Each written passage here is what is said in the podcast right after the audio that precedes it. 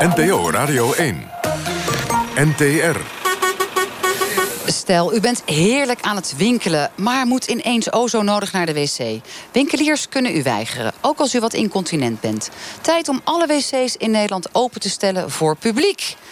En inwoners van een wijk hier in Utrecht willen dat niemand meer op straat gaat roken. En de gemeente kijkt ondertussen hoe bus- en tramhaltes rookvrij kunnen worden gemaakt. Sluipt er een algeheel rookverbod Nederland in. Live vanuit het Janskerkhof in Utrecht is dit het debatprogramma van de NTR.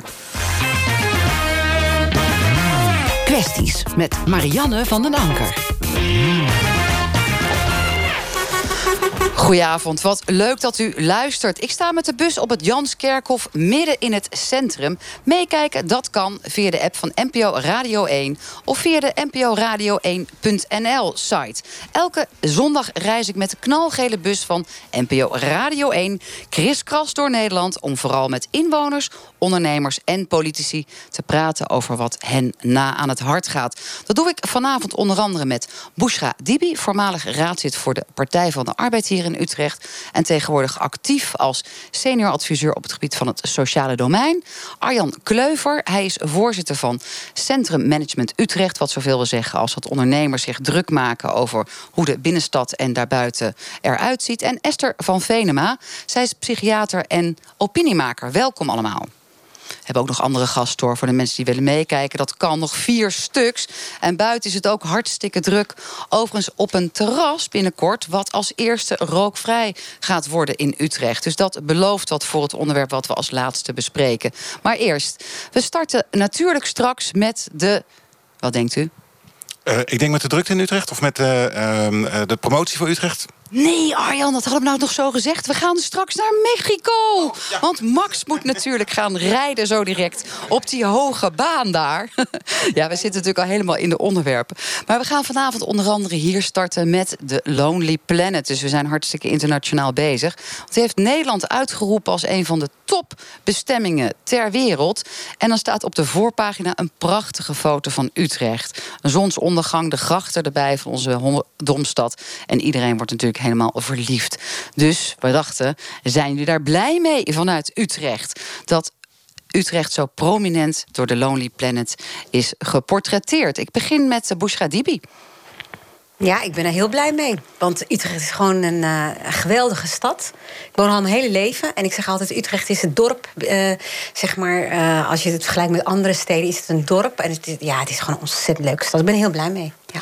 Arjan, geldt het ook voor jou? Zeker vanuit ondernemersperspectief gezien? We zijn er ontzettend blij mee. En Hub Max trouwens, maar uh, we zijn er ontzettend blij mee. Uh, uh, het is ook heel belangrijk dat er meer mensen naar Utrecht komen. Ehm, dus ja, het is gewoon heel goed nieuws. Esther van Venema, opiniemaker, psychiater. Wat vind jij ervan? Nou, ik vond Utrecht eigenlijk altijd al best druk op de Oude Gracht op zaterdag. En een massatoerisme gaan stimuleren hier, hmm, weet ik niet of het dan nog wel te doen is. Je ziet het in Amsterdam.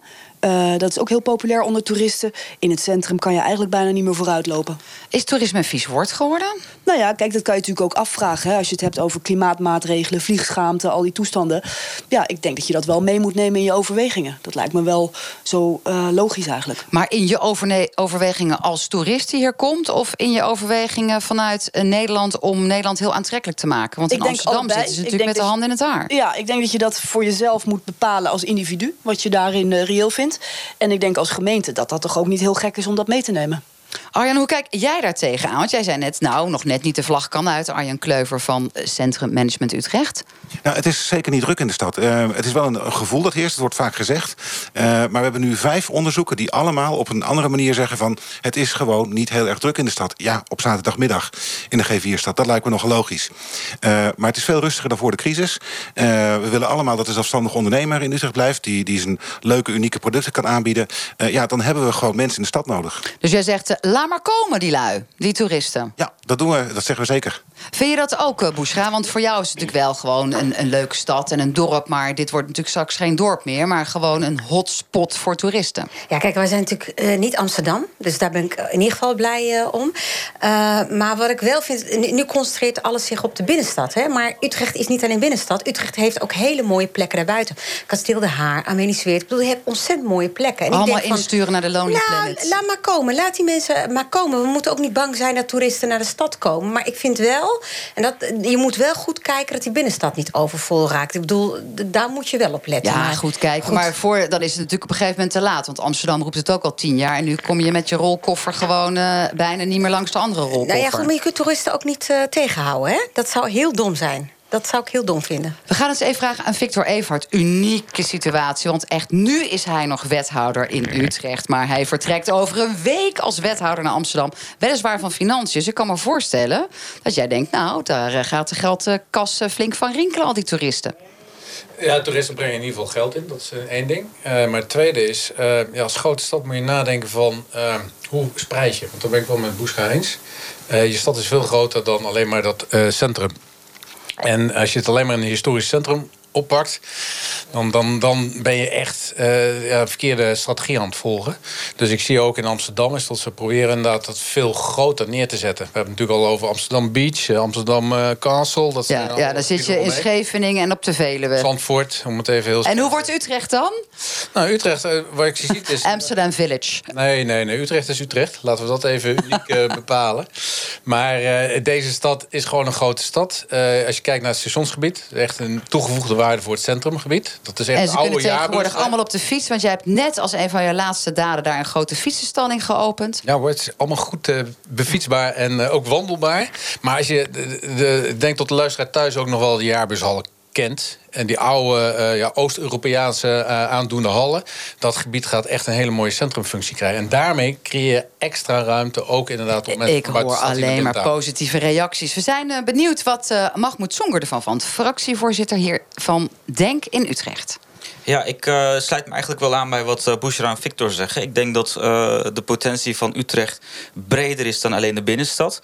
dus ik denk dat het ook echt aan ons is om te kijken van... Joh, hoe kunnen we die wijken die momenteel onderbelicht zijn... Uh, meer op de voorgrond plaatsen... zodat de toeristen niet alleen de binnenstad weten te vinden... maar ook die andere wijken die in mijn beleving net zo mooi zijn als de binnenstad. Ik denk dat er veel Amsterdammers zijn die luisteren... en denken, laat ze in godsvredesnaam dan met z'n allen maar lekker naar Utrecht gaan. Ik kom zelf uit Rotterdam en daar klagen wij ook al een klein beetje over. Heel veel bussen die langskomen. Iedereen die toch jouw straat een beetje aan het vervuilen is met rondlopen. Maar je moet gewoon goed kijken Victor hoe, hoe mensen dan inderdaad door die stad heen bewegen.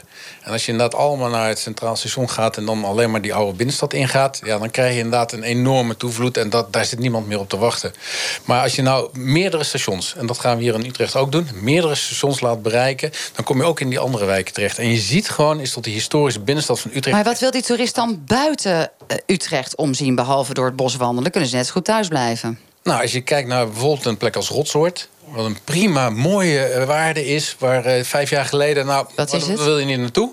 Maar daar kan je nu inderdaad naartoe. Uh, S'avonds heel veel te doen. Hapje eten, uh, een mooie water. Kan je op een bootje stappen. Het is allemaal. Dat is maar één voorbeeld. En we hebben nog veel voorbeeld. meer. Arjen Kleef, voor we snel naar Mexico gaan... nog even aan jou een slotwoord over die prachtige nominatie van Utrecht... Domstad in de Lonely Planet. Ja, notabene is in opdracht van de gemeente... door de Universiteit van Leuven uh, onderzocht... Uh, dat het op de plekken waar de toeristen komen het museumkwartier, uh, jaarbeursomgeving... Dat het daar helemaal niet overdreven druk is. Uh, dus dat spreiden door de stad... Uh, vind ik een beetje naïef. En ik, je komt naar Utrecht omdat het daar mooi en gezellig is. En uh, je komt naar de binnenstad en je komt niet naar Lunetten of naar Hooghaven. Maar gaan die steden onderling nou samenwerken? Want de Lonely Planet heeft heel Nederland uitgeroepen... als een van de beste bestemmingsoorden. Je ziet toch heel vaak dat die steden onderlinge marketing doen... en niet samen afstemmen. Victor Even. Nou, sterker nog, ik vind toch, uh, eigenlijk zijn we langzamerhand toe in dit land... voor een ministerie van Toerisme. Als je kijkt naar het Ik hoor een upgrade. Je gaat straks eerst even 2,5 jaar wethouder zijn in Amsterdam. En dan word jij minister van Toerisme. Eh, ik, wie dat ook gaat doen, het, het, zal vast in goede handen komen. Maar ik vind dus dat wij als land, zeker met deze nominatie vanuit Lonely Planet... toch als land er zo goed op staan, dat we steeds meer toeristen gaan ontvangen... vind ik dat we dat als land veel beter moeten, uh, dat spel moeten spelen. Want ja, het is een belangrijke economische factor. Ja, er valt geld mee te verdienen. En ja, er zit ook overlast bij. En we willen ook gewoon, ook die binnensteden, gewoon lekker leefbaar houden... voor in dit geval de Utrechter of de Amsterdammer. Nou, dat is in ieder geval mooi gesproken. Ik zie Esther van Venema een nou, beetje bedenkelijk ja. kijken, toch? Inderdaad, want ik bedoel, stel je bent toerist en je komt uit Peking... dan ga je toch niet naar Lunetten? Dan wil je toch een selfie mee op, met de dom op de achtergrond? Ik bedoel, dat, als je op de nou ja, als je Utrecht uh, inderdaad dan gaat bezoeken... zou ik ook denken de dom. Niet dat ja. de rotsoort, uh, denk ik, nou... Uh, Nou, maar ja, goed, dat- het, eh, om- je kunt geen zelf... Kasteel de Haar is hartstikke mooi. Amelie Zweer is hartstikke mooi. Maxima Park, hartstikke mooi. Ik, ik zou dat als toerist echt wel willen zien. Maar goed, ik ben het met je eens. Ze gaan natuurlijk ook, tuurlijk. Als je naar Nederland komt, naar Utrecht, dan ga je ook naar de Dom. Mensen kiezen Dat is toch de klassieke dingen. en- en. Je moet meer bieden. En iedereen alleen maar naar de dom, daar die selfie en dan weer vertrekken. Daar, zit, daar zitten we gewoon niet op te Dus moeten wachten. de toeristen Esther van Veenendaal, psychiater en opiniemaker. Nee, ik vind- ik- Want jij hebt vrienden in Amsterdam, hè? Jij komt er zelf ook Ik heb er veel. zelf ook gewoond. In Nieuwmarkt heb ik een tijd gewoond. En eerst ging dat nog wel. Maar op een gegeven moment werd ik echt knettergek... van dronken Engelse rolkoffers, groepen Chinezen. Wij worden misschien knettergek van het spannende moment... wat nu plaats gaat vinden in Mexico. Want Hans van Loosenhoort is Max al gestart daar op die hoge baan... op zijn medium banden. Ja, hij is inderdaad gestart, maar die start is niet echt geweldig geweest. Want eh, in de eerste bocht maakte hij contact met Lewis Hamilton. En met als gevolg dat hij een stuk is teruggevallen in de rangorde. Het zijn de twee Ferraris die op kop gaan... terwijl we nu een herhaling van de start te zien krijgen. Leclerc en Vettel in de Ferraris zijn goed weg. Hamilton ook zit er vlakbij. En dan Max Verstappen probeert aan te sluiten. Het is een sprint van 900 meter naar die eerste bocht naar rechts. De plek waar hij in het verleden al zo vaak zijn slag heeft geslagen. Maar nu, nu zit hij naast Hamilton in die eerste bochtensecties. De bolides raken elkaar, de Mercedes en de Red Bull. Ze gaan allebei door het gras. Verliezen een heleboel posities. De McLaren's zijn er allebei langs. En dat betekent dat eh, de kansen van Verstappen op een heel mooi resultaat... Ja, die zijn toch aardig gereduceerd na de start van deze Grand Prix van Mexico. En eh, de twee Ferraris die staan er riant voor. Maar op dit moment is sprake van een virtual safety car. Want er moet waarschijnlijk wat troep opgeruimd worden op het circuit... omdat die auto's elkaar geraakt hebben. En dat betekent toch dat we moeten wachten voordat er weer ingehaald kan worden. De laatste doorkomst van Max, de laatste positie van Max Verstappen was achtste. Nou ja, jeetje. Zit hier toch een beetje teleurgesteld te zijn. Hij had al zo'n straf te pakken. We denken, we gaan het deze uitzending nog half meemaken... dat hij voor de derde keer in Mexico wint. Victor, even te jou lachen. Heb je helemaal niks met die motorsport? Nee, eigenlijk niet. Oh, Eigenlijk hmm. niet. Waarom niet? Ja, ik vind het eh, als kijksport vind ik het ook. Ja, de, rondje als die eh, wagens inhaalt, prachtig. Dat is eh, even mooi om te zien. Maar voor de rest, het eh, hoop geluid. En eh, nee, ik heb er persoonlijk niks mee. Maar er zijn heel veel mensen die er wel heel veel Ja, aan Bushra hebben. vindt er ook niks aan. Wie is wel fan van de... Ja, Arjen, waarom vind jij het zo leuk? Ja, het is de techniek, het is de spanning. Eh, ik- het, het is gewoon eh, een hele fascinerende kijksport. En jij zit hier gewoon, wat lief van jou. Gewoon bij ons hier in de bus. Tuurlijk, voor Utrecht altijd. Nou, we gaan straks praten over roken in het openbaar. Spruit, sluipt er al een algeheel rookverbod Nederland in. En ook een debat over openbare wc's. Daar zijn er namelijk niet zoveel van. En zeker niet in Utrecht. Maar als u echt uw behoefte moet doen... dan is het toch wel handig om een wc in de buurt te hebben. Een andere kwestie. Tot 2000 was bedelen in Nederland verboden. Sindsdien mogen gemeenten dat zelf bepalen. Hier in Utrecht mag er gewoon gebedeld worden. Arjan Kleuver, we hebben jou al een paar keer gehoord vanavond. Jij bent zelf geen bedelaar, hè? dat heb ik al een paar keer duidelijk laten blijken... dat jij een hele betekenisvolle functie hebt hier in de stad. Ehm, ja, jullie zijn vanuit Centrum Management Utrecht niet zo blij met al die bedelaars. Leg uit. Ja, wat er eh, gebeurt, eh, is dat er eh, ineens, eh, en dat is elk jaar gebeurt dat een paar keer, de stad bevolkt wordt met, met bedelaars. Ehm, eh, met bedelaars wil je eigen compassie hebben. Eh, maar dit zijn echt commerciële bedelaars. Die moeten ook vaak hun. Wat zijn commerciële bedelaars? Ja, het, zijn, eh, het is georganiseerde. eh, het is georganiseerd. Ehm, ik hoor ook van mensen dat, dat ze het geld dat ze hebben ingezameld weer moeten afstaan. Eh, en, maar hoe herken je een commerciële bedelaar? ja, dat staat niet op een voorhoofd. Eh, maar het is wel opmerkelijk dat in één weekend ineens de hele stad bevolkt wordt door een kudde. Eh, ja, kudde zeg ik niet over mensen, maar door heel veel, heel veel bedelaars eh, die ehm, niet zo beperkt zijn eh, als ze stoppen met bedelen. Hè, dan gewoon naar de auto lopen en die blindheid of die verlamming blijkt toch wel mee te vallen. Hun geld moeten afstaan. Dat is een, een industrie die je niet wil faciliteren. Herken jij dat beeld eh, van de commerciële bedelaars? Ja, zeker. Want ik, eh, toen ik raadslid was, heb ik er heel vragen over gesteld. Zoals een debat over. eh, het probleem is, waar, de groep waar Arjan het over heeft... dat zijn met name mensen uit Oost-Europa. Die worden met busjes naar de binnenstad gebracht. En die worden daar dan afgezet en die moeten gaan bedelen. Het is toch heel ge- triest. georganiseerde criminaliteit Dat en is georganiseerde criminaliteit. En de politie heb ik ook vaak hierover gesproken. Die wil daar ook wat aan doen. Alleen als je mij vraagt om een bedelverbod, zeg ik nee. Waarom? Omdat ik A denk dat dat niet de oplossing is. Maar dan gaan ze ergens anders naartoe. Maar B, je pakt, om het maar even zo te zeggen, eigenlijk iedereen. Je hebt namelijk ook dak- en thuislozen in, uh, in Utrecht die ook bedelen. Nou is dat niet goed, maar als je een verbod gaat inzetten, dan, dan ja, dan heb je ook die mensen die dan boetes krijgen van dak- en thuislozen. En dan help je ze niet mee. Hmm. Dus je moet ook echt heel veel andere dingen doen, alleen maar boetes uitdelen. Ik vind of een verbod uh, in. Uh, Victor Evert, het is heel lang jouw portefeuille geweest, denk ik zelfs nog steeds. Hè. Volksgezondheid valt ook het bedelen onder, verwarde personen, mensen met psychiatrische problemen die op straat uh, moeten rondkomen. Dat bedelverbod is bij jullie nooit gekomen. Ondernemers klagen. De eerste reactie van de gemeente, en ik hoop maar dat het een woordvoerder is geweest en dat jij niet geraadpleegd bent over die reacties. We herkennen het niet als gemeente. Ondernemers kunnen het wel vinden, maar wij zien het niet. Is een slap verhaal. Los van het feit dat ik er geen verantwoordelijkheid voor heb, maar dat maakt niet uit.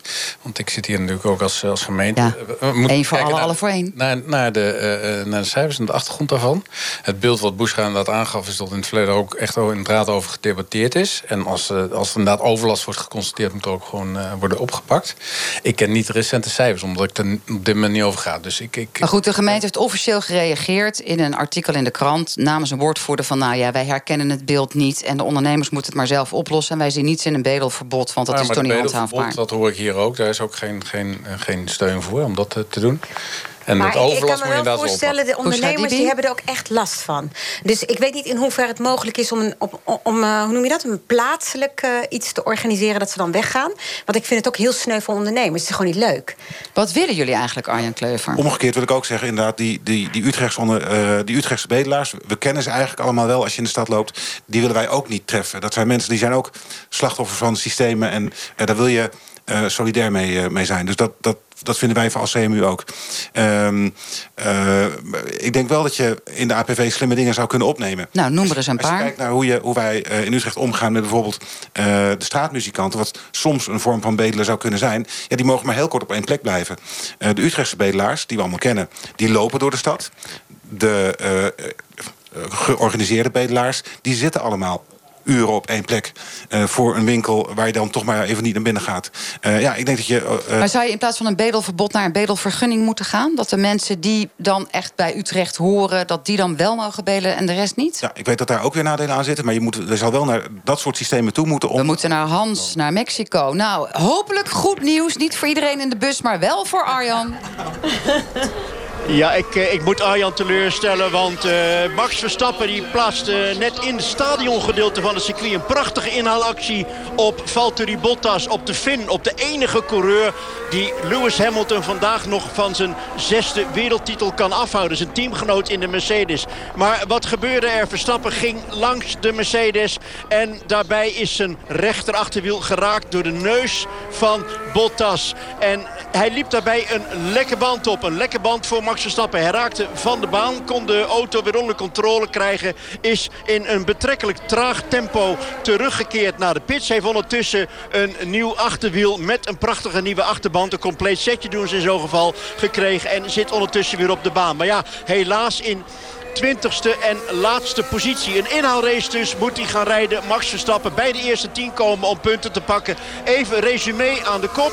Leclerc aan de leiding in de Ferrari voor Vettel. Dan Alexander Albon. Dat is wel goed nieuws voor het Red Bull team. Want Albon is de teamgenoot van Max Verstappen. Vierde Lewis Hamilton en vijfde Carlos Sainz. Nou, Hans van Lozenoord brengt geen goed nieuws. Wie weet dat het uh, nog anders kan gaan aflopen. Maar dat is bijna niet meer in te halen, toch Arjen? Wat denk jij? Gaat hij dat nog redden? Ja, Max kan veel hoor. Max kan... Och, Max kan alles. Esther van Venema, psychiater en opiniemaker. We hadden het net over mensen op straat in Utrecht die bedelen. Ondernemers zeggen we hebben er meer last van. Onder andere van commerciële mensen die uiteindelijk worden ingezet. Wellicht door criminelen om geld te verdienen. Maar de bedelaars aan zich, daar is hier wel hele grote mildheid voor. Die horen bij Utrecht, die gaan we steunen, die willen we niet raken. Kom jij als psychiater vaak in aanraking ook met bedelaars? Nou, Weet je, het verbaast me eigenlijk dat bedelen een uh, aangelegenheid is van een stad uh, en niet een landelijke kwestie. Dat valt me op dat ik eigenlijk dacht dat dat een landelijk iets was, maar dat blijkt dus niet zo te zijn. Um, en daarbij is, is voor mij bedelen is sowieso slecht nieuws. Hè. We noemen al de criminele bendes uit Oost-Europa. Zeker als ze er kinderen bij gebruiken, vind ik heel slecht voor die kinderen ook. Ehm, en dan heb je inderdaad, uh, wat Arjen zei, van de kwetsbaren, de slachtoffers van het systeemfalen, van uh, sociale uh, systemen of zorgsystemen. Ja, ik, ik, ik vind dat je daar op een andere manier mee moet omgaan dan ze toestemming te geven om te gaan bedelen. Ik vind dat een beetje een zwaktebod eigenlijk. Maar ben je dan voor zo'n bedelverbod? Ja, als dat ook daarnaast leidt tot beter ingrijpen of beter zorgen voor, uh, dan ben ik er zeker uh, voorstander van. Hmm. Jij zei net, Arjen, ik heb wel een paar ideetjes. Vanuit die APV heb ik jou voldoende ruimte gegeven om die te pluggen, want dit is het moment. Nou ja, ik, heb, ik heb al gezegd, hè, ze bedelen op verschillende manieren. Uh, ik denk dat je daar wel uh, in APV slimme dingen voor zou kunnen uh, opnemen. als je maar twee, twee minuten op één plek mag bedelen... dan kun je mensen wel verdrijven. Dan kiezen Utrecht niet meer uit als plek om te bedelen. En dan nog even het punt van handhaven. Want dan moet natuurlijk ook dan weer iemand achteraan lopen... met de wapenstok, pepperspray of wat dan ook. Of gewoon met de goede mond om die lui dan weer te verjagen. Ja, complimenten aan het college. want ze hebben net extra geld vrijgemaakt voor handhaving in de binnenstad. Dus dat zou moeten kunnen. Mahmoud, uh, ik ga het aan jou vragen. Fractievoorzitter van DENK. Vind je een bedelverbod een goed idee? Nee, wij denken niet dat dat een goed idee is. Omdat uh, je daarmee dus ook de mensen treft uh, die je juist niet wil gaan treffen. Um, ik denk overigens ook dat het heel moeilijk is om, om uh, iets te bedenken waarmee je die mensen die dat, nou, zoals Arjen dat noemt, commercieel aan het beteren zijn. Hoezo moeilijk bedenken? Het is toch gewoon handhaven, nou ja, politie kijk, erop af. Dat zijn gewoon bendes. Nou ja, Arjen zegt bijvoorbeeld van hè, er zit verschil in de manier waarop. Maar wat doen we op het moment dat die commerciële bedelaars dan hun manier aanpassen en zich gaan gedragen zoals. Nou, geef zelf eens antwoord. Nou, ik vind dat dus heel moeilijk. En ik, ik, ik weet ook niet of we daar nou als gemeente juist heel veel op moeten inzetten. Nou, nou, ik, ga, ik kijk eens even rond, vol verbazing. Ik ben natuurlijk niet aan zet, want ik ben slechts de presentator van dit programma. Maar wie maakt zich druk over zo'n uitspraak, ja, Arjan Alternatief, als je, als je niks doet, dan krijg je dus uh, dat je die, die commerciële bedelaars, die criminele bendes, bij faciliteren. En dat wil je al helemaal niet als overheid. Dus, dus uh, laat je het gaan zoals het gaat, dan kom je op een gegeven moment niet uh, onder een verbod uit, omdat de overlast veel te groot wordt. Dat wil je niet, dus zul je nu met slimmere maatregelen moeten ingrijpen. Ja, het anders staat er straks in de criminele planet van kom vooral naar Utrecht, want hier doen ze namelijk niks, hier handhaven ze niet. Victor Everhard, scheidend wethouder. Wat uh, heb jij nog voor iets noviteitenrechts in te brengen? Nou, de, geen noviteit, plus het feit dat ik vind ook dat het debat ook in de gemeenteraad al jaren wordt gevoerd en tot en daar ook voort moet worden gezet. Uh, wat ik wel zie is, is nou, we moeten het ook goed kunnen vastpakken, zo'n vraagstuk. Want het is inderdaad meer koppen. Ik ben goed enorm mee eens. Het is, ja, je moet wel je vinger erachter kunnen krijgen. En dat is nog niet zo eenvoudig. Dus het beeld herkennen we niet. Het is ook iets wat we dus als gemeente ook echt zo moeten zeggen. Omdat we dan het beeld niet goed kunnen vastpakken. Dus daar hebben we de ondernemers ook voor nodig. Dus dat is één ding.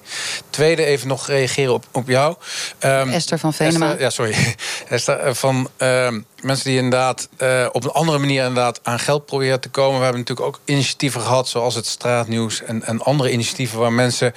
Is dat bedelen? Is dat op een andere manier aan geld komen? Daar zie je ook, in ieder geval in deze stad, een, een groot hart om op zulke initiatieven deze mensen toch nog een extra steuntje te kunnen laten krijgen. En dat, dat wilde ik nog even inbrengen. Want anders is het alleen maar uh, het bedelbeeld wat mm. bij de luisteraar blijft hangen. Er zijn meerdere wegen die in de binnenstad dan zichtbaar zijn. Nou ja, die zijn ook mooi. Ja, van en dat, dat wilde ik nog even toevoegen. Ja. Opiniemaker en psychiater. Sluiten we dit onderwerp af met Bushra Dibi. Want je hebt een dubbelrol in deze. Je bent ook adviseur op het gebied van sociaal domein. Nou, daar valt dit dit bedelen. En die mensen die aan de onderkant van de samenleving rondlopen. En als voormalig Partij van de Arbeid raadslid... heb jij je heel lang ingespannen voor dit onderwerp. Wat wil jij het liefst dat er gebeurt? Twee dingen. Kijk, als je het hebt over die uh, bendes, die moet je gewoon, ja, het klinkt wat uh, heel hard aanpakken. En dat wil de politie ook. Maar dan moet je wel handhaven, dan moet je wel capaciteit hebben. En die hebben ze gewoon nu niet. Uh, dat moet je doen. Ik en hoor net dat er geld is vrijgemaakt ja, voor handhaving. Ja, maar er, er, moet zoveel gehandhaafd worden. Dit is een van de problemen. en het tweede is, waar, waar Esther het over had, dat zijn echte kwets. Alhoewel, deze zijn ook mm -hmm. mensen die uitgebuit nou, zeker worden. die kinderen, als ze met een bordje precies, moeten klaarstaan precies, en dus, vervolgens het geld moeten afgeven. Maar de dak- en thuislozen, kijk, dat is altijd kip en ei kan je zeggen, je kan een verbod uh, in gaan stemmen. Wat, wat heb je eraan? Je moet echt aan die andere kant zitten, vind ja, en als je ze een boete geeft, hebt... valt er toch ook natuurlijk niks te nee, binnen te halen. maar dan hebben ze toch... Ze hebben ook nog helemaal niks. Dus wat, wat, wat, wat dan kan je afvragen of bedelen bij een beschaafde samenleving past überhaupt. Ja, voedselbanken past ook niet. Uh, en die nee. zijn er wel. En dat vind ik ook heel erg. Ja, maar ja, eens. we hebben er wel mee te maken, helaas. Ja, en volgens mij is bedelen ook niet de oplossing... als je die mensen tegenkomt. Maar geef ze dan in ieder geval, heb ik altijd begrepen, een pak vla. Eten. Toch? Ik geef altijd eten. eten. Ja. Nou ja, misschien is dat dan nog een oplossing. Zijn ondernemers bereid om dat te doen ook? De... Pak te geven, dat Ja. ik wel. Ja hoor. Heel goed, heel goed. Mooi. We hebben een andere kwestie. Namelijk de wc's. Ik denk voor veel mensen herkenbaar. Ik zelf moeder van kinderen die inmiddels wat ouder zijn... en wel hun plas kunnen ophouden. Maar vroeger ook wel eens regelmatig gehad... met een kind in de stad. Waar is hier een wc? En zeker als je gaat winkelen in Utrecht... is het nogal lastig, want waar oh waar vind je een wc? Ze zijn niet gemakkelijk te vinden, die openbare wc's. En dus zegt de Maaglever Darmstichting... op elke 500 meter een openbaar toilet. Dat vinden ze overigens voor heel Nederland... en niet alleen voor de stad Utrecht. Is dat een goed idee? Ik laat bewust een stilte vallen. Ik denk, wie begint er? Maar ik zie Bushra. Ja, Dibi is stem te klikken. Ja, ik vind het een eh, heel goed idee. Iedereen moet plassen. En zeker kinderen, ja, dan moet je ze gewoon de gelegenheid geven om te kunnen plassen. Ik vind overigens niet dat je ondernemers moet verplichten. Dat vind ik een ander verhaal. Dus daarbuiten, prima. Openbare toiletten moet de overheid ook voor zorgen. Vind ik prima. Vind je het maar pub- vind een niet... publieke pot is een publieke functie? Ja, ja. Plassen is een basisbehoefte. Passen is een basisbehoefte. Ja, Esther is van. Venema. Ik, ik was meer even stil, omdat elke 500 meter vind ik wat Ja, intensief. ja, eh, maar ik ben het helemaal eens dat dat inderdaad een basisbehoefte is... waar we eigenlijk veel te weinig over praten. En waardoor mensen ook echt wel belemmerd worden om naar buiten te gaan. Waardoor je weer eenzaamheid kan creëren, wat heel ongezond is. Nou, laat ik nou net ambassadeur eenzaamheid zijn. Dan ga ik volgende keer zeggen tegen die minister... weet je wat, zelfs meer openbare wc's gaan ervoor zorgen... dat mensen minder eenzaam zijn. ja. Tanja van der Ploeg, jij eh, bent hier voor een heel ander onderwerp straks te gaan bespreken. Je bent namelijk van de stichting Belangengroepering Tabak Mag. Maar ten aanzien van de wc's heb jij ook een mening. Kom maar door. Jazeker, eh, meer openbare toiletten is prima. Maar om de 500 meter lijkt me ook een beetje veel. Maar precies wat zegt. Ja, het is heel vervelend als jij inderdaad plasproblemen hebt... en dus de deur niet meer uit durft. Omdat je onderweg denkt van ja, dan zit ik met de ellende. Ik kan nergens terecht. Dus blijf ik maar thuis. En eenzame mensen hebben al genoeg in dit land. Hmm.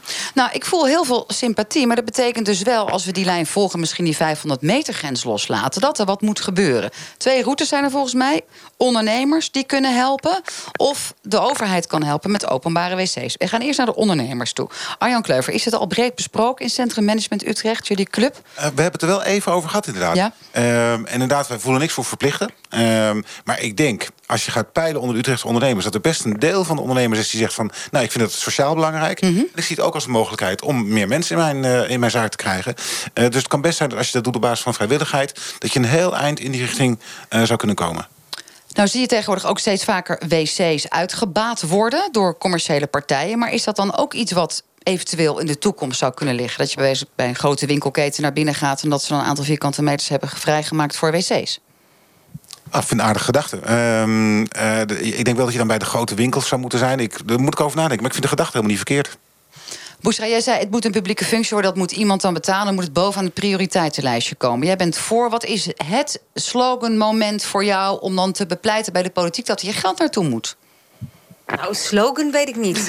Eh, ik wil van behoefte af of zo, weet ik veel. Nee maar ik, nee, maar ik vind het dus echt een basisbehoefte. Ik vind echt dat het er gewoon moet komen. Ik, eh, eh, en, en nogmaals, die, die, die ondernemers moet je niet verplichten. Want dat vind ik niet, eh, niet oké. En als dat goodwill is, is het prima.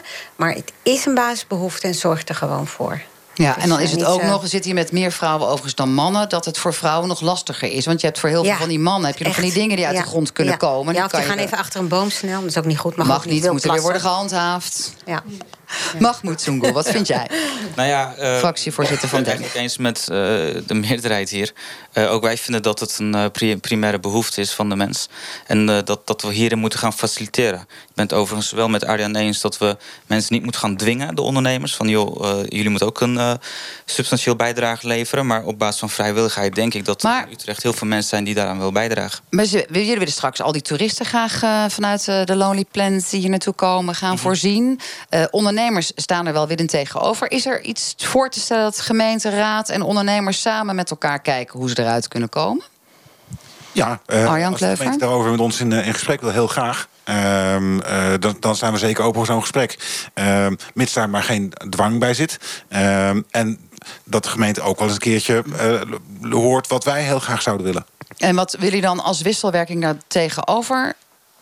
Oh, daar kan ik wel heel veel dingen opnoemen. Nou, wat staat op eh, één? Het belangrijkste vind ik dat de gemeente eh, eh, bezoek naar Utrecht faciliteert. En dat, dat de houding verandert dat het te druk is. Want dat dat gewoon niet, niet waar is. En nou is het natuurlijk wel zo, ik weet niet of dat, dat een ergernis is bij mij, maar bij misschien hier een aantal andere mensen in de bus, dat je voor jezelf altijd zo kan schamen. Want dan moet je naar de wc, een van je kinderen moet naar de wc. En dan doe je dat maar meestal in een restaurantje. Ehm, en dan moet je eigenlijk altijd verplicht een consumptie nemen. Of wel of niet betalen. Altijd heel ongemakkelijk vind ik dat. Hoe kunnen we dat gemakkelijker maken? Ik Kijk naar jou, Arjan Kleuven, als ondernemer. Ik, ik vind het niet he- heel gênant om 2,50 voor een kopje koffie te betalen als je ergens naar de wc gaat. Ehm, Nou, vind ik toch een duur plasje of een duur ja, poepje. Dat zal zo zijn, maar ik denk dat het voor heel veel mensen wel logisch is. En dat voor heel veel mensen ook wel een beetje inplanbaar is. En voor die andere mensen, voor wie dat niet zo is. ehm nou, je hebt het al over gehad. Denk je, denk je dat je op basis van vrijwilligheid wel aan voldoende toiletten kan komen? Wilma Donk. Je kan toch ook een betaaltoilet maken? Of heb ik het mis? Ja, nou in het Wat buitenland zie je die overal natuurlijk. Dat ze gewoon in het openbaar staan. En dan moet je er weet ik het 50 cent in doen. Dan spoelt hij automatisch. Er zijn lelijke ondingen, maar dan kan je misschien eens een keer een kunstenaar laten betaal ik liever kijken. een klein bedrag en het is schoon. Als dat eh, het gratis is en het is een zooitje. En ik denk eh, dat het... eh, ja, mensen verwachten ook wel wat. Dus je mag best wel voor betalen. Tanje van der Ploeg? Er zijn eh, bijvoorbeeld in Portugal en alle grote shoppingcenters zijn gewoon openbare toiletten. Die kosten niks en die zijn spik en span. Ja. En dan kan jij gewoon heerlijk winkelen en je hoeft nergens verplicht een drankje te doen. Echt niet. Nou, in is- Marokko ook. Ja, in Marokko wel. Om maar even een land te Ja, noemen. nou, we zijn Overal echt toiletten. helemaal niet lekker bezig in Nederland. Hè? Terwijl de Lonely Plant ons zo Ja, dat is fantastisch van die vindt. gaten in de, in de, in de- weet je wel, van die, maar dat is ook niet lekker. Maar goed, het is wel een wc. Zijn we benieuwd hoe het met Max is? Want ik kan het namelijk gaan vragen aan Hans van Lozenoord. Ja. Ja, ja, ja. Hans, hoe staat het ermee? Pitstops. En Nou. eh, zowel eh, Leclerc is binnen geweest als Alexander Albon, de teamgenoot van Max Verstappen... die zo heel lang de derde plaats heel knap vasthield vlak voor Lewis Hamilton. Dat deed hij prima. Die jongen die uit Thailand afkomstig is, maar in eh, Londen is opgegroeid...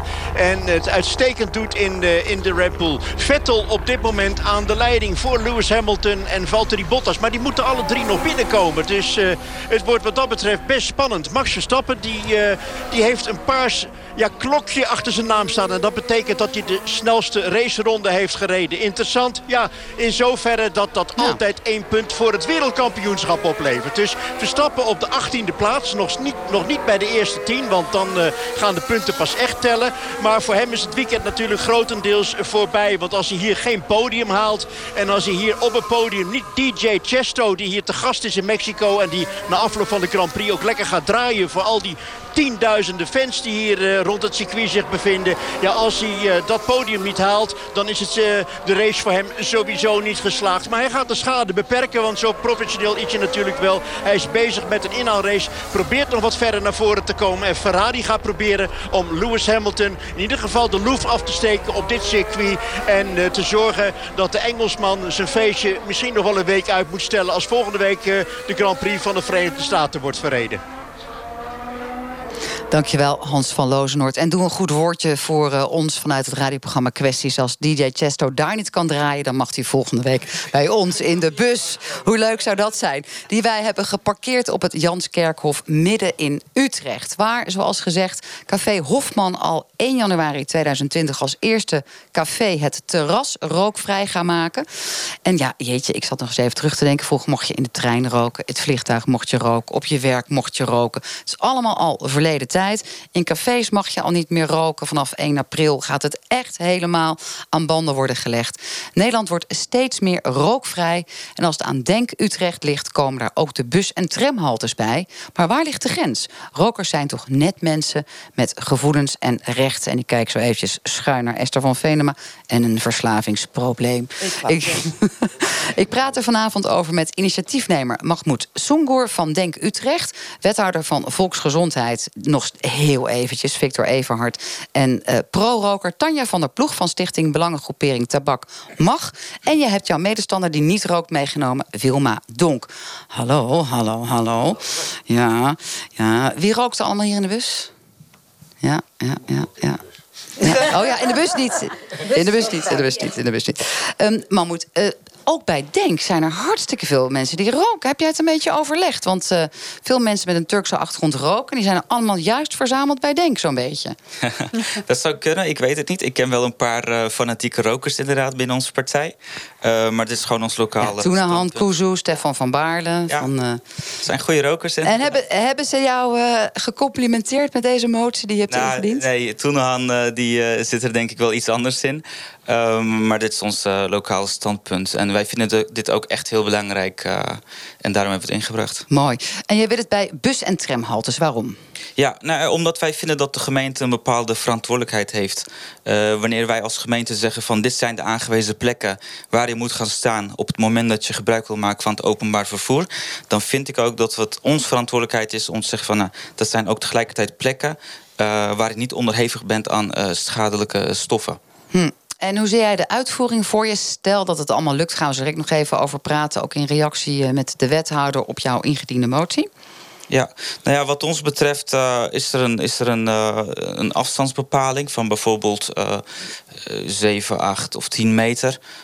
maakt mij niet heel veel uit waarin we dus zeggen van. We zijn vandaag met de 500 meter afstand van de wc, 7, 8. We zijn niet ja. zo moeilijk met afstanden nee, als het maar. Hè?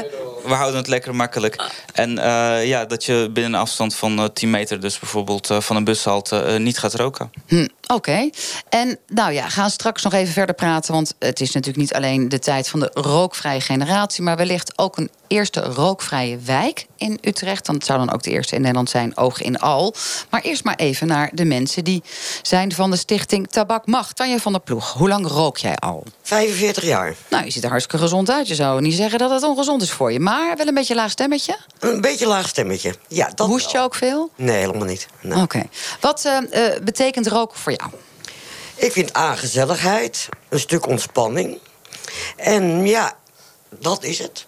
Ik vind het gewoon net zoiets als de een zit op zijn telefoon... en de ander steekt een sigaretje op. Of de ander zit nagels te kluiven. En ik rook een sigaretje. Ja, jij ziet het eigenlijk in vergelijking... Maar vind je het wel slecht, roken? Of zeg je nou, het is eigenlijk ook gewoon prima? Ik heb er zelf geen moeite mee. Er zijn heel veel dingen die zeg maar, niet zo goed zijn. Maar goed, ik doe dit en een ander doet dat. En laten we iedereen nou zijn pleziertje gunnen. Dan wordt het een stuk leuker in deze maatschappij. We zijn nu aan het doorslaan. Ja, wat vind je van dit idee van dat, uh, Denk? Het gaat veel te ver. Je staat langs de weg. Daar raast verkeer voorbij. Je staat daar fijnstof in tappen. En dan zou het ene sigaretje van iemand die daar staat te roken... nog de boel gaan verbeteren als die daar weg uh, moet. Ja, nou ja, ik denk dat uh, uh, jij zomaar wil reageren, Mahmoud. Want ja. het is natuurlijk voor jou uh, inkoppen deze. Ja, nou ja, laten we vooropstellen dat roken wel wordt gezien als de grootste veroorzaker van longkanker, astma, bronchitis. Dus het is niet zo dat het helemaal niks voorstelt. Um, en uh, bovenal wil ik ook zeggen dat het niet zo is dat uh, we pleiten voor een algeheel verbod op het roken. Die plezier, die mogen mensen ook zeker behouden. Alleen wij zeggen, zorg ervoor dat je een andere dus uh, niet, niet um, tot overlast bent. Maar het mag natuurlijk al bijna nergens meer. En S gaat vanaf volgend jaar ook werken aan rookvrije stations. Dit is toch ook een soort openbare weg, zou je denken? Nou ja, het is een weg waarvan wij dus als gemeente zeggen... van daar moet je gaan staan op het moment dat je gebruik wil maken van het openbaar vervoer. Wat wij als stad ook willen gaan stimuleren. En dan past het niet bij deze stad om te zeggen van... joh, als je daar toevallig onderhevig bent aan de gevolgen van meeroken... dan is het jouw eigen schuld. Hm. Maar wel naast het uh, uitlaatgas, of is alles hier al elektrisch? Uh, dat helaas nog niet. Hopen we wel uh, snel voor elkaar te krijgen. Wilma Donk, jij rookt zelf niet en toch steun jij de stichting Tabak Mag. Waarom? Ja, omdat ik uh, het principe, achter het principe sta. Dus uh, het feit dat de, dat de, dat de regering de, het roken op heel veel plekken wil verbieden. En ook in de cafés. Ik ga vaak met uh, Tanja even naar een cafeetje toe. En die vertrekt dan even naar het rookhok. En ik zit lekker nog aan de bar. En dan komt ze later weer terug. Ik vind dat je een beetje vrijheid mag houden wat je, wat je wil doen. Ik denk dat je daardoor gewoon veel veel mensen gewoon eigenlijk tegen je in het harnas jaagt. Dus niet gedaan krijgt wat je wil. En om even in te gaan op het, op het, uh, op het bushokjes vrij roken. Van Mahmoud Sonkel van de fractievoorzitter ja. van Denk Utrecht. Ja, nou kijk, ik, ik ga dan niet zoveel met de bus... maar ik kan me heel goed voorstellen als mensen daar roken... dat ze dan misschien een beetje last hebben. Maar ik, ik heb zelf veel meer last van het, uh, ja, het, het vieze verkeer wat rondraast. Echt waar. En ehm, ja, ik, ik ben dan een beetje gevoelig voor mijn, voor mijn longen. Maar ik heb veel minder last van de mensen die roken. Want ik maak om mij heen alleen maar mensen mee die respect hebben voor mij. Als ik zeg tegen thuis van ik wil niet dat je rookt, dan roken ze niet. Ik wil dat je een stukje verderop gaat staan, dan is het oké. En dan, ik heb er echt helemaal geen problemen mee dan. Dus het is een soort van respect. We hebben eigenlijk geen regels nodig, zeg jij. Nee. Maar toch wil jij wel uh, die regels gaan afdwingen. Uh, dus je hebt ook een motie ingediend. Ja. Als je dit zo hoort, denk je dan... Hmm, misschien ben ik met iets bezig wat niet echt een topprioriteit zou moeten hebben. Zijn er andere belangrijke zaken? Zeker als we het ook net hebben gehad over die commerciële bedelaars. Nou ja, ik denk dat het wel heel belangrijk is omdat het de volksgezondheid aangaat. En daar hebben wij een bepaalde verantwoordelijkheid in als gemeente. En ik zie het niet als een, een, een onderwerp van respect. Integendeel, ik zie het juist als een grond om het gesprek met elkaar aan te kunnen gaan over ergens anders willen staan. Op dit moment heb ik geen grond om een andere aan te kunnen spreken. Als zo'n verbod er komt, dan heeft het niet alleen een normstellende functie, maar geeft mij ook een, een legitiem reden om tegen een ander te kunnen zeggen van zou je alsjeblieft 10 meter verderop. Ja, want daar is uw streep en daar is uw rookvak. Tanje van de Ploeg Nou, van Stichting Tabak Mag. Zeggen, wij zetten ons in, onze stichting staat voor behoud van keuzevrijheid, stop de betutteling en intolerantie.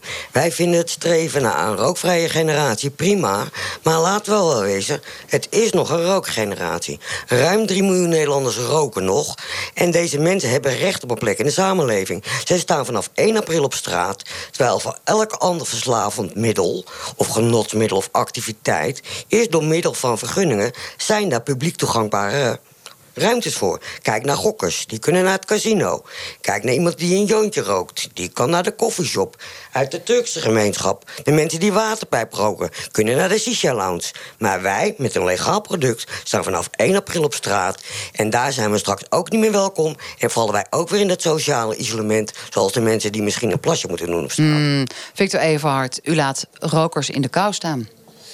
Uh, nee, ik ben wethouder volksgezondheid, dus de volksgezondheid staat inderdaad voorop. Um, tweede is dat we heel erg inzetten op de rookvrije generatie hier in, in de stad Utrecht. Dus inderdaad de nieuwe generatie, zoals u inderdaad ook zegt, zo, dat is heel belangrijk. Dus het, het niet meer roken op speeltuinen, uh, sportvereniging, dat is ook wat ik zie, is dat iedereen dat ondersteunt. Ik zie ook, en dat heb ik ook aangegeven, is dat nou, bedrijven, organisaties die zelf rookvrij, zichzelf rookvrij hebben verklaard. En eventueel bij hun ingang, wat dan openbare ruimte is, zeggen van ja, we willen dat eigenlijk daar rookvrij maken. Nou, dan gaan we daar uh, op meebewegen. Maar ik ben nog niet van de school, is dat ik de openbare ruimte uh, rookvrij zou willen verklaren in deze stad. Dus u bent niet voor het, uh, nou, het, het, het, eigenlijk het nou, verbod de, de, wat uh, als denk wil? toestaat, want het is een vrij genuanceerd verhaal. Want ik ben het eens, het is meer dan 20% Even, van... Hoe lang duurt het? Want Hans wil ook graag ons een update geven over Mexico. Ja, dat mag. Als Hans erin wil komen, dan komt hij er gewoon in. Uh, komt er binnen. Maar even waar het om gaat, is meer dan 20% van de Nederlanders roken. Openbare ruimte is in principe vrij voor iedereen. En wat mooi wat Mahmoud nu heeft aangegeven... laten we eens heel specifiek kijken naar die bushaltes. En dan zie ik is dat eigenlijk de, de, de vervoerders daar zelf ook over gaan. Dat staat in wet en regelgeving, dus ik ga met ze in gesprek. En je hebt hele verschillende soorten bushaltes. Hè? Want je hebt een, een paal, je hebt een bushokje. Je hebt ook gewoon uh, een soort bij de tram zeker waar je naartoe loopt en waar je op een platform staat. Dus daar moeten we ook goed naar kijken van wat zouden we dan wel of niet rookvrij willen met het idee, het is ook allemaal openbare ruimte. Want ik ben het er ook mee eens. Dat is ook heel belangrijk, dat die 20% van de Nederlanders die roken... ook daar nog steeds een plek hebben. Nou, we komen er zo op terug, want dan gaan we het hebben over... van wie is de openbare ruimte... maar ook of je wel of niet als roker nu in de steek wordt gelaten. Want het is een overtuigend punt dat iedereen met een verslaving... zo'n beetje een plek heeft, maar niet de roker. Hans, hoe is het in Mexico? Hoe is het met onze Max? Ja, nou op het uh, Autodromo Hermanos Rodriguez... daar worden voornamelijk banden opgerookt. Want uh, de meeste coureurs zijn al binnen geweest om een nieuw setje te halen. En het ziet er wel naar uit dat bijna alle coureurs...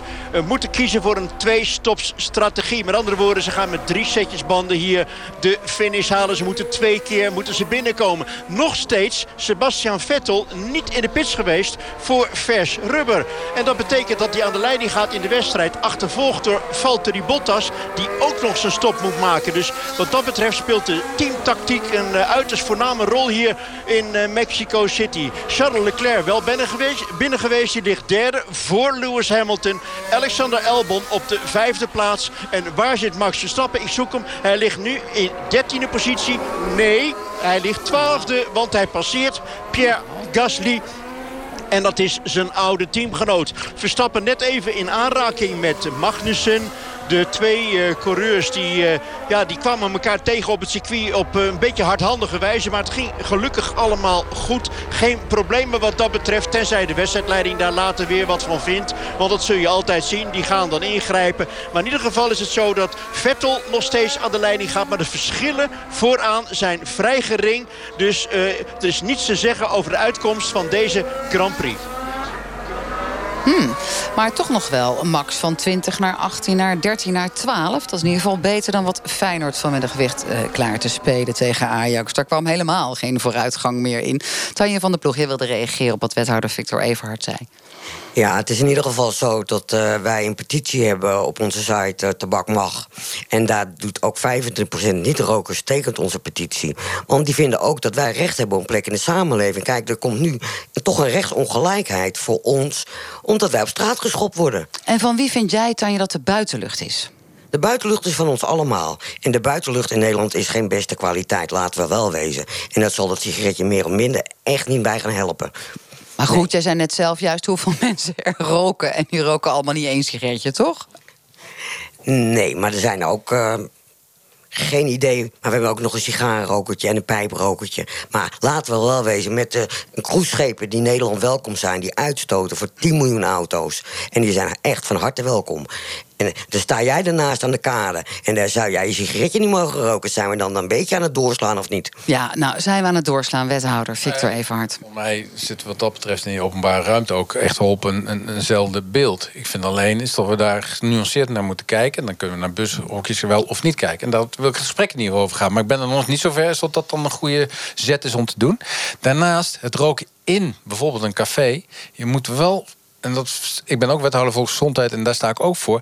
Het meeroken is natuurlijk wel schadelijk voor iemand die niet rookt. Dus in een gesloten ruimte een sigaretje opsteken... betekent ook dat mensen gaan meeroken. En dat is schadelijk. En dat is zo de tabakswet ook in elkaar steekt. En dat, wil, dat punt wil ik even ook gemaakt hebben. Los van het feit dat in... in maar zou er dan wel... Ja, dit is natuurlijk al lang weer voorbij situatie... maar is het natuurlijk een tijd geweest dat rokers zeiden... geef ons een rokerscafé met rokende uitbaters en rokende allessen... en dan is het in ieder geval net een soort casino. Een vergunningstelsel. Waarom is er voor alles een vergunning in Nederland? Zelfs wapenbezit is verboden maar er zijn circa 800 schietverenigingen. Dus waarom is niet een vergunning voor een rookcafé? Niemand die niet wil roken gaat naar het café ernaast... waar niet gerookt wordt desnoods ook een vergunning voor een rookruimte. Ja, de, de, de, wetgever heeft daarvoor gekozen om inderdaad personeel die daar werkt te beschermen tegen de rook. Ja, zo zit de wet in elkaar. Ik ben ook wethouder, dus daar hou ik van. Mahmoud, als je dit zo hoort, denk je dan... ik ga misschien toch een beetje te ver... om ook me nog druk te maken over die bus- en tramhokjes? Nee, dat denk ik niet. Ik denk, uh, ik ben het met Tanja wel eens... Hè, dat, je, dat je niet uh, zo ver moet gaan dat je zegt van... joh, alle cafés per definitie openbare uh, weg... overal verbieden, wijken, rookvrij maken. Nee, dat, zo ver moet je niet willen gaan. Maar ik denk wel dat het meeroken heel erg schadelijk is. En dat je mensen die bij een bushalte staan... en die niet de keuzevrijheid hebben om ergens anders op een bus te gaan wachten... Daar gaat het je om het punt van die keuzevrijheid. Ja. Anders mis je namelijk de bussen als je er niet in wil gaan staan. Esther van Venema, jij zit al een tijdje te luisteren. Ik ben heel benieuwd. Opiniemaker nou, en psychiater. We hebben het over verslavend iets. En moeder. Dokter. Ja, ja, ook gewoon dokter. En ik, ik hoor mevrouw van de Ploeg zeggen dat het een legaal product is. En daar val ik eigenlijk al over. Dat ik denk van, stel je nou toch eens even voor... dat we dit product in deze tijd zouden introduceren. Ik bedoel, we gaan al helemaal uit onze stekker van fipronil... waar geen enkel persoon aan overleden is. En roken is het meest dodelijke product wat er is. En mevrouw van der Ploeg die noemt heel veel andere zaken... die ook heel gevaarlijk en riskant zijn. Maar ik vind het werkelijk onbestaanbaar... en daarin steun ik ook ontzettend de strijd van Wanda de Kanter... onbestaanbaar een dat van wij... de longartsen in Nederland die al ja, jaren zegt... we moeten van de tabaksindustrie af... en ook met name van de invloed. Ja, en je ziet ook dat de framing heel... of het spinnen van het product heel vreemd vreemd is. Hè. Het gaat over gezelligheid, het gaat over hip en het is maar één sigaretje. Terwijl, en het is betutteling als je daar iets van vindt. Maar het gaat helemaal niet over vrije wil. Het gaat niet over keuzevrijheid. Verslaving heeft daar werkelijk niets mee te maken. Nou, daarom is het ook zo belangrijk dat we Victor zetten op een rookvrije generatie. Door in ieder geval al die kinderen die nu eh, tabak gewoon links laten liggen. Maar Want al die filijnen stappen die ze zetten. zie ik nu al dat ze feestjes hebben. 16-jarige beeldschone meiden. Die zitten allemaal met een peuk. Dan denk ik, nou, we moeten veel Ik herken dat ook, maar ook dat ze sneller in plaats van naar de alcohol, omdat dat niet meer mag, naar de pilletjes En grijpen. maar dat is een heel ander. gedaan om het reactie. verslavend te maken. Hè? Laten we dat niet vergeten. Tanja van der Ploeg. En Wilma, ik weet niet wie van jullie. eh, misschien is het ook wel leuk om van, van jou, Wilma. Want Tanja die lult zich echt de blaren op de tong.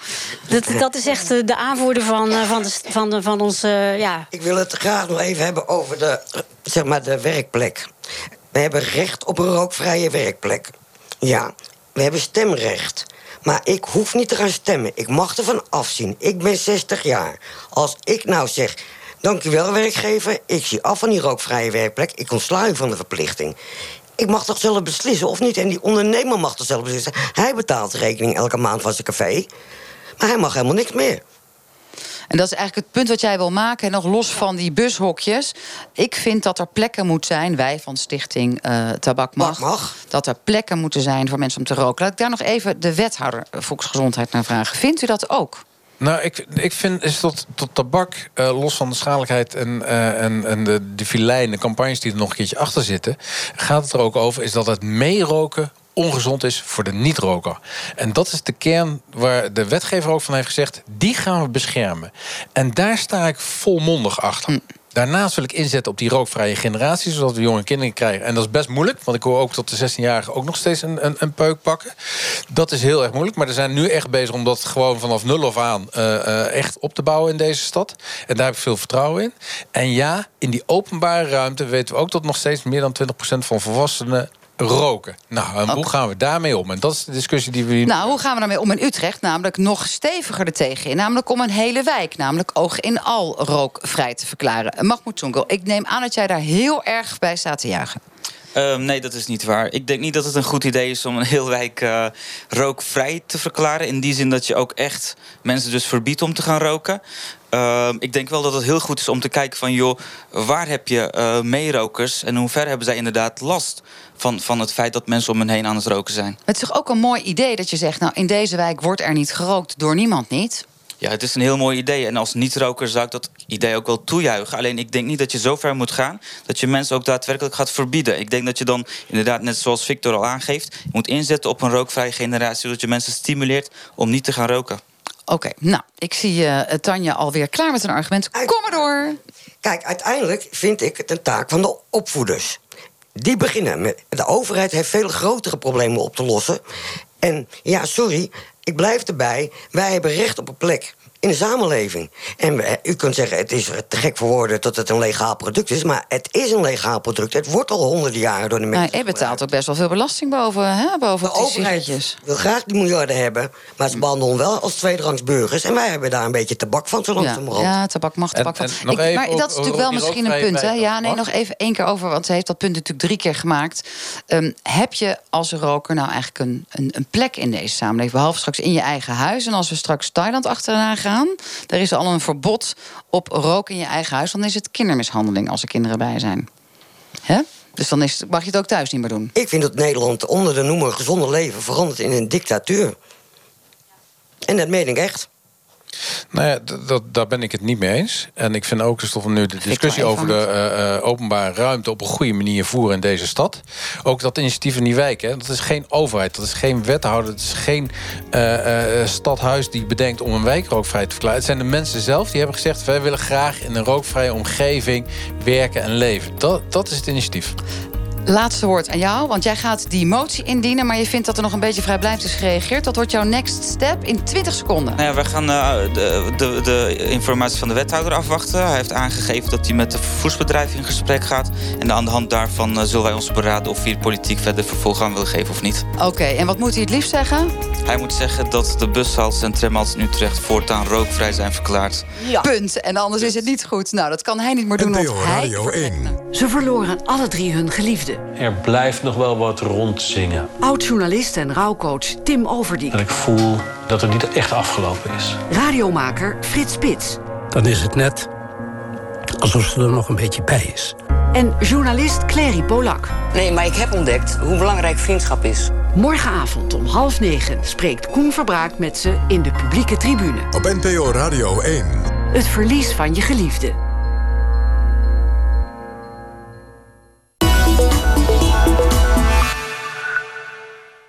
Modern klassiek, jazz, world en genres die je zelfs niet voor mogelijk hield. November Music, het festival vol eigenzinnige muziek. Verwacht het onverwachte en kom naar November Music. Van 1 tot en met 10 november in Sertogenbos. Bij iWish vind je voor elk moment de perfecte bril. Voor achter je beeldscherm of voor in je vrije tijd. Daarom krijg je nu twee brillen voor de prijs van één. Kies uit al onze topmerken. iWish. Laat je zien. Het netwerk van Vodafone maakt veel mogelijk.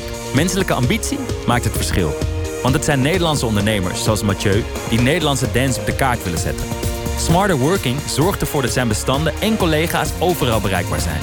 Dat vraagt om een krachtig netwerk. Giganet. Maak ook werk van uw ambities. Begin vandaag nog op vodafone.nl slash smarterworking. The future is exciting. Ready? Ook uw gezonde en comfortabele nachtrust in de vakkundige handen van Poelman?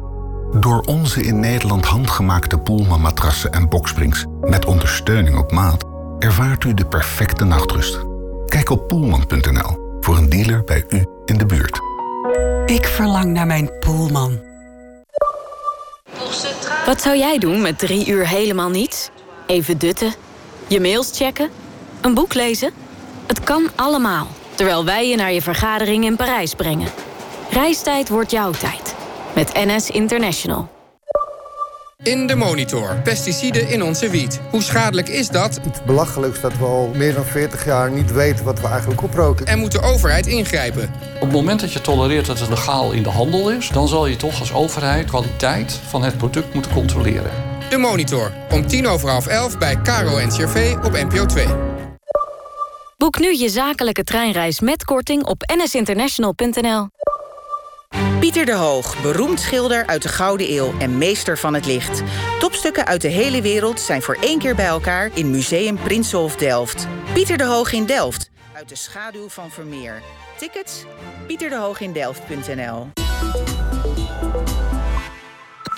NPO